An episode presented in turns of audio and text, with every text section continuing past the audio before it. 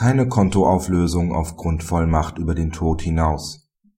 Eine transmortale Kontovollmacht, die sich Ehepartner erteilt haben, berechtigt weder zu Lebzeiten des Erblassers noch nach seinem Tod zur Umschreibung des Kontos auf den Bevollmächtigten.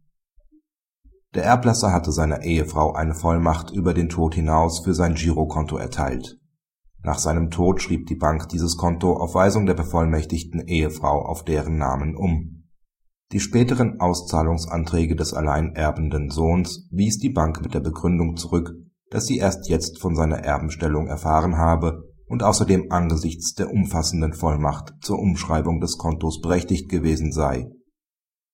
Der Klage des Sohns gegen die Bank auf Auszahlung der Kontobeträge gemäß § 700 in Verbindung mit § 488 fortfolgende BGB wurde vom BGH stattgegeben der Girovertrag des Erblassers, in den der Sohn als sein Alleinerbe im Wege der Gesamtrechtsnachfolge eingetreten ist, wurde durch die von der bevollmächtigten Ehefrau veranlasste Umschreibung des Girokontos auf ihren Namen nicht aufgelöst, weil der damit beabsichtigte Gläubigerwechsel von der transmortalen Vollmacht nicht erfasst wird. Zwar will der Vollmachtgeber seinen Ehepartner mit Hilfe der Kontovollmacht über den Tod hinaus gewöhnlich in die Lage versetzen bestimmte Rechtshandlungen unabhängig von dem Willen des Erben vornehmen zu können, bis zum Widerruf der Vollmacht durch den Erben soll daher im Zweifel allein der ausdrückliche oder mutmaßliche Wille des Erblassers und nicht der des Erben für den Bevollmächtigten maßgeblich sein.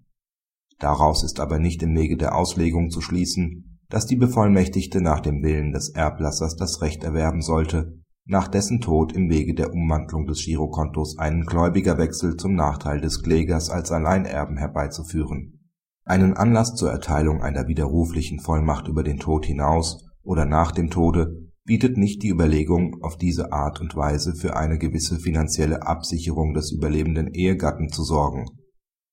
Zwar können verschiedene Gründe hinter dem Vorgehen des Erblassers stehen wie etwa dass die Bevollmächtigung des Ehepartners sich einfacher und schneller erledigen lasse als eine Testamentserreichung, ferner kann es der Wunsch des Erblassers gewesen sein, dass der Bevollmächtigte die Vermögensverwaltung im Interesse des Erben weiterführen soll.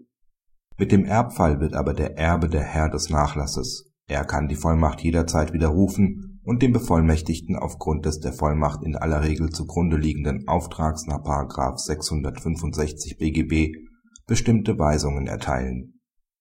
Zudem hat der Bevollmächtigte von sich aus zu beachten, dass er nach dem Erbfall zur Vertrauensperson des Erben geworden ist und als solcher nach Treu und Glauben nicht ermächtigt ist, Handlungen vorzunehmen, die den schutzwürdigen Interessen des Erben zuwiderlaufen oder deren Kenntnis diesen vermutlich zum vorzeitigen Widerruf der Vollmacht veranlasst hätte. Praxishinweis der BGH weist in seiner Entscheidung zu Recht darauf hin, dass die Kontovollmacht kein geeignetes Mittel ist, um den überlebenden Ehepartner finanziell abzusichern. Hierfür bleiben nur die Erbeinsetzung, die Aussetzung eines Vermächtnisses oder die Schenkung unter Lebenden bzw. von Todeswegen